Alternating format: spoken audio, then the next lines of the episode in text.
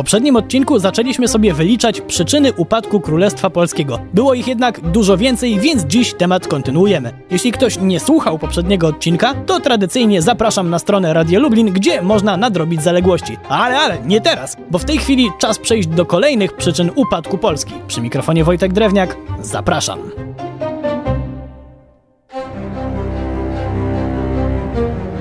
Poprzednie spotkanie skończyliśmy na tym, że zwykli ludzie nie mieli możliwości ani czasu na reagowanie na stopniowy upadek państwa. Czemu? Mieszczanie zostali zablokowani przez przywileje handlowe dla szlachty, z kolei chłopi musieli odrabiać pańszczyznę, która już wtedy była przeżytkiem. Rosnące obciążenia nakładane na chłopów i mieszczan, na których już wtedy w Europie budowano nowoczesne gospodarki, u nas spowodowały kryzys. Ktoś może twierdzić, że jednak największy problem naszego państwa leżał nie wewnątrz, a poza jego granicami w postaci sąsiadów. Ale i tu nasi przodkowie nie byli bez winy. Nasz kraj w XVIII wieku znalazł się pomiędzy trzema monarchiami absolutnymi Prusami, Austrią i Rosją. A tego typu ustroje musiały być ekspansywne i można było zauważyć to zagrożenie już wtedy. Ale małymi kroczkami nasi sąsiedzi zaczęli nas przyzwyczajać do pchania się w nasze interesy. No właśnie, najgorsze jest to, że daliśmy się przyzwyczaić.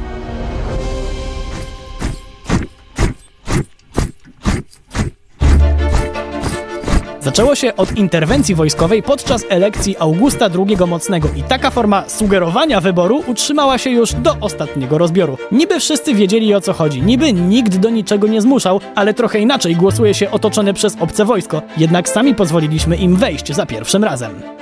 Wszystkie okropne decyzje oficjalnie zatwierdzała głupia, krótkowzroczna i przekupiona szlachta oraz królowie bez charyzmy na obstawionych przez wojsko sejmach. To się nie wzięło znikąd. Najpierw była obojętność rządzących, a później nagle ręka w nocniku, panika i leżenie z gołą klatą pod drzwiami.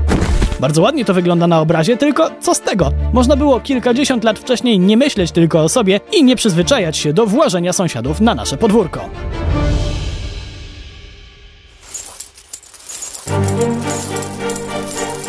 Jednak najpoważniejszym problemem, który na amen załatwił Królestwo Polskie, była korupcja, często przeplatana kumoterstwem. Jak już taki panicz dostał dobrą fuchę, to momentalnie wyrzucał ludzi z niższych stanowisk i zatrudniał kolegów i rodzinę. W ten sposób na wyższych stanowiskach znajdowali się ludzie, którzy totalnie nie mieli pojęcia, co mają robić, a tym bardziej, jak robić to dobrze. Ale kogo to obchodziło? Była kasa w rodzinie?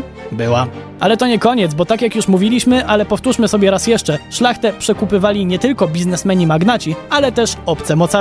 Tok myślenia na początku był taki. Hmm, no Rosja daje całkiem niezłą kasę za to, to zagłosuje. Poza tym to tylko jedna ustawa, co to zmieni? Ale z biegiem lat ten tok myślenia zmienił się na taki. Ech, no dobrze, już przynajmniej jakiś pieniądz będzie z tego, to zagłosuje tak jak chcą. I tak już nic z tego kraju nie uratuje. A to wszystko z własnej woli.